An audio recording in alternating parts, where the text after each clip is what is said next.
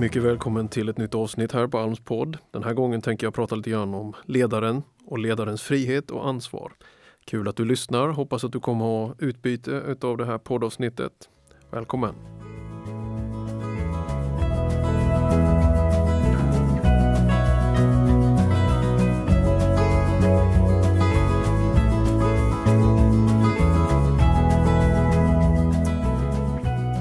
Jag är 45 år gammal och jag har ett ledaransvar idag. Men det där att man är en ledare, det tycker jag är ett begrepp som är lite svårt ändå att ständigt säga. Jag, jag gillar när Margaret Thatcher hon säger om att amen, att vara ledare och att vara lady, det är samma sak. Om du måste säga att du är det, då är du inte det. Så jag närmar mig alltid det här begreppet ledarskap med viss tveksamhet, viss friktion och viss eftertänksamhet. Som kristen är jag inte i första hand kallad att vara ledare. Jag är kallad att vara en följare. Jag är kallad att följa Jesus Kristus så tätt i spåren jag bara kan. Lyssna till hans ord, följa hans exempel och försöka leva det livet som innebär att man sakta, sakta men ändå säkert allt mer blir lik honom. Ändå så finns det ledarskap i Nya Testamentet, andligt ledarskap. Apostlarna i den första församlingen. Det finns ledare som växer fram kontinuerligt och någonstans så har väl jag kommit till någon slags att ändå kunna identifiera mig som, ja men jag har ett ledaruppdrag också över mitt liv. Det är inget jag skäms för. Det är något jag lever med och det har varit så ganska länge att ja, det på något sätt uppstår runt en att man får uppdrag och ansvar att leda grupper sammanhang. Och jag tänker att vi som är kristna och som vill tjäna Gud och vara ledare, vi har en slags extra dimension att ta vara på att tänka på här och det är ju just det här att vi är aldrig våra egna ägare. Vi är inte de som äger någon slags tjänst eller församling utan det är alltid Guds och vi är hans förvaltare. Och i det här så händer olika saker och man behöver kunna utvecklas och bevara sitt sinne, sitt syfte, sitt hjärta genom allt. Och jag tänker att redan i nytestamentlig tid och i vår rörelse, pingströrelsens historia, så finns det ju bra många ledarutmaningar. Det finns skeden som församlingen och församlingarna i rörelsen har gått igenom.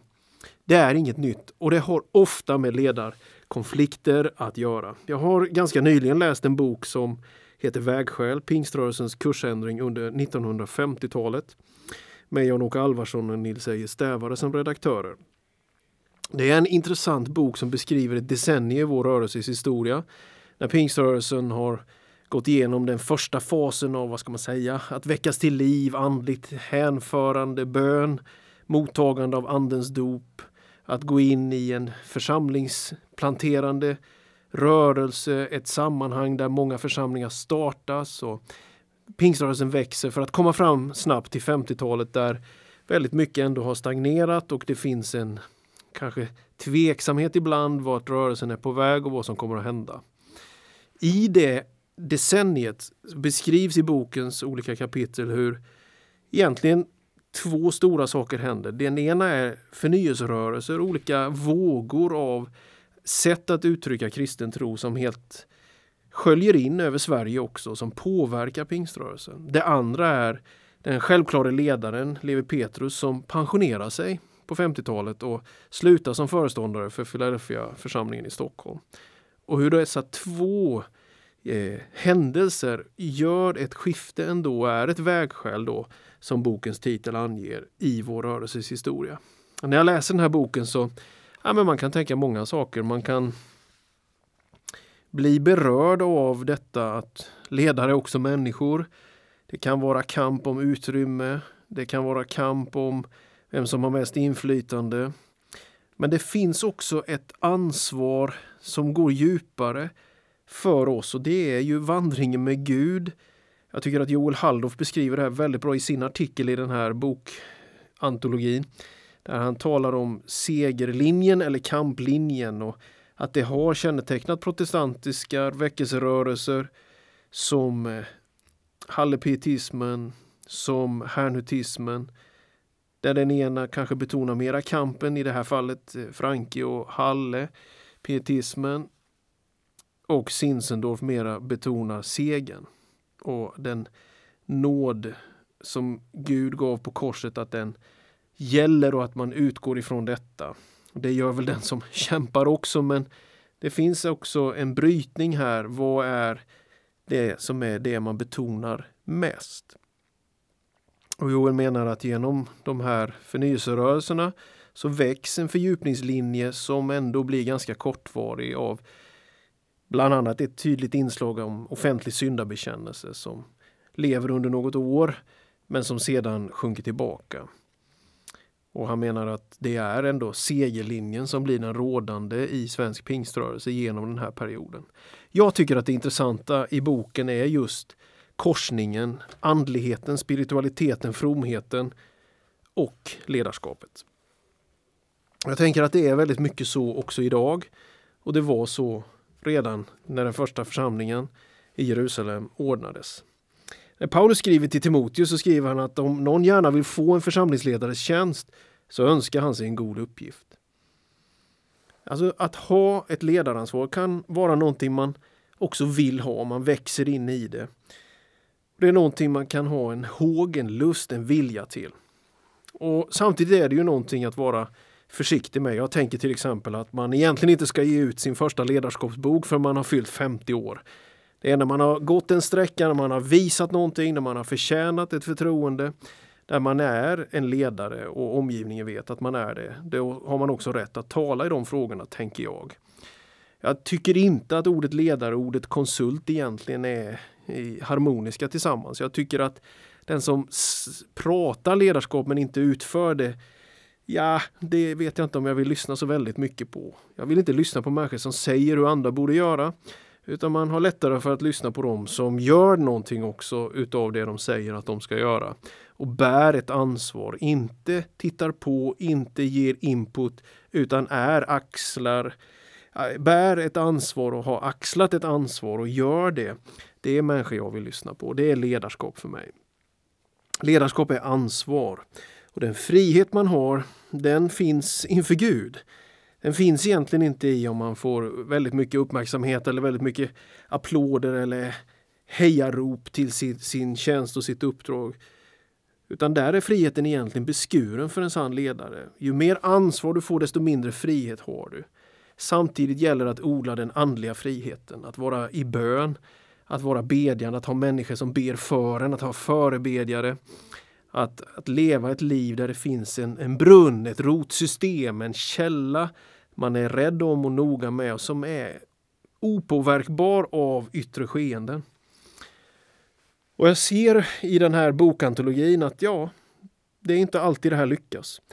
Utan man blir schackspelande taktiker i viss mån. Man agerar och den risken finns för mig. Den finns och har funnits, den kommer att finnas och den finns för dig.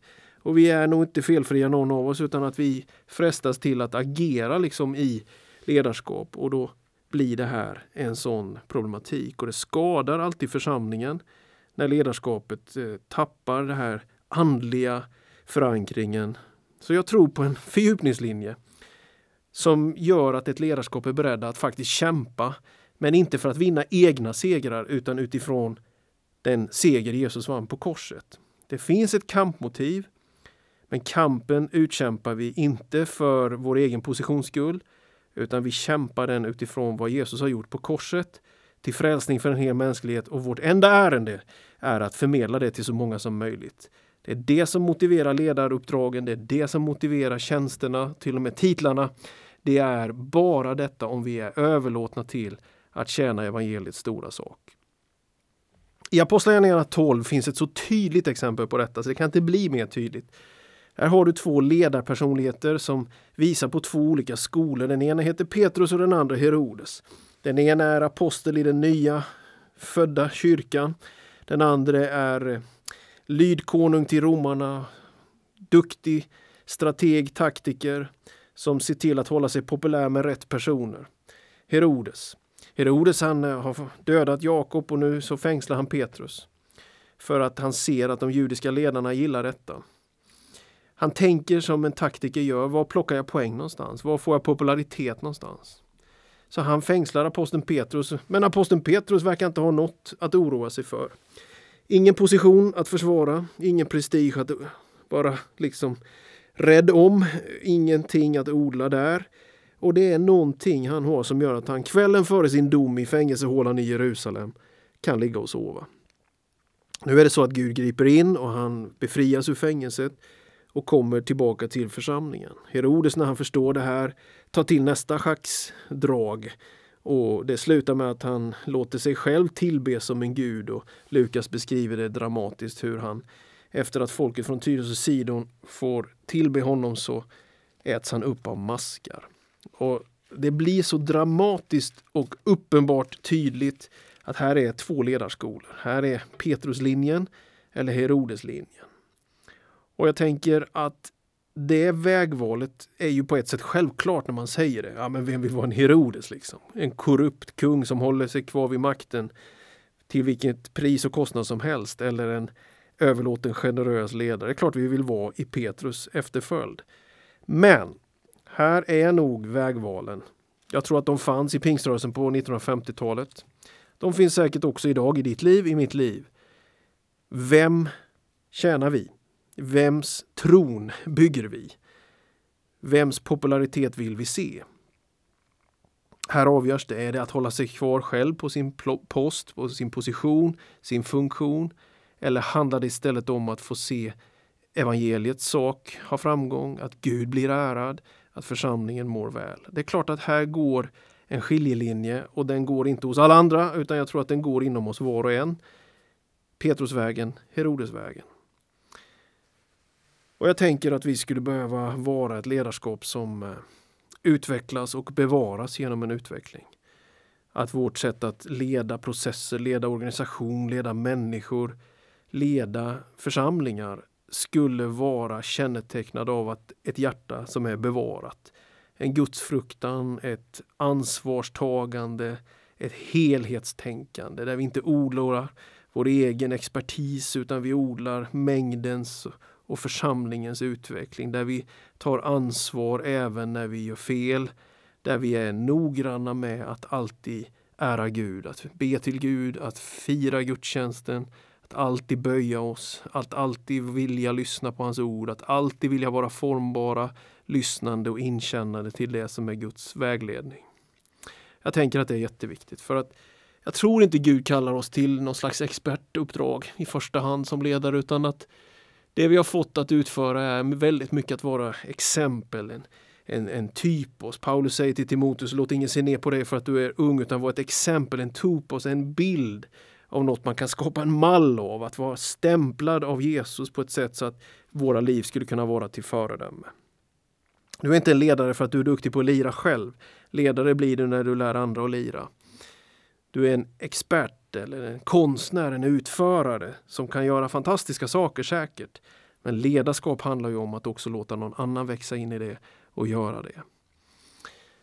Så jag tror att genom historiens gång, exemplet här med Petrus Herodes, när Levi Petrus drivs av en oerhörd andlig styrka kan man nog nästan säga på insidan som ger ett producentskap, en, en enorm arbetsvilja och kapacitet. Men också där det finns en kamp om utrymme, engagemang och det är viktigt att bevara sitt hjärta genom allt för att kunna se så många som möjligt vinnas för Jesus. Så låt oss be Gud att han botar oss från jämförelsesjukan. Vi är olika vi som ledare. Vi har olika förmågor, kan leda olika sammanhang och kanske olika i antal människor vi kan leda. Måttet på vår framgång är inte hur många eller hur stort utan det är väldigt mycket hur pass rent vårt hjärta är och hur trogna vi är det som vi har fått att ansvara för. Jag tänker att i detta finns både någonting som är stabilt och dynamiskt. Någonting som är respektfullt och ändå fullt av energi. Jag tänker att det behövs en, en ny generation som reser sig i Sverige. Be, då tänker jag inte bara en ung generation. Jag tänker att det helt enkelt kommer fram nya människor i alla åldrar. Både män och kvinnor, olika åldrar med olika bakgrunder som på något sätt står fram och blir den här Petrus efterföljaren och som inte odlar sin egen stjärnstatus, som inte bygger sitt eget rike utan som tjänar en större sak. Det finns nog vägskäl för oss alla. Det finns nog ett växande ansvar Gud längtar efter att vi skulle vilja gå in i och ta. Vi får nog betala med en del beskuren frihet på vissa områden. Men om vi odlar den andliga friheten samtidigt, dricker av Andens källa, lever av pingstens resurser med andeuppfyllelsen, så finns det en framkomlig väg att vara en ansvarstagande ledare och vara glad och fri inför Jesus Kristus.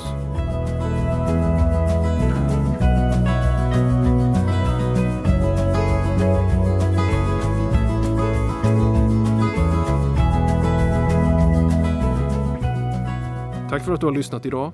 Jag önskar dig allt gott. Gud välsigne dig.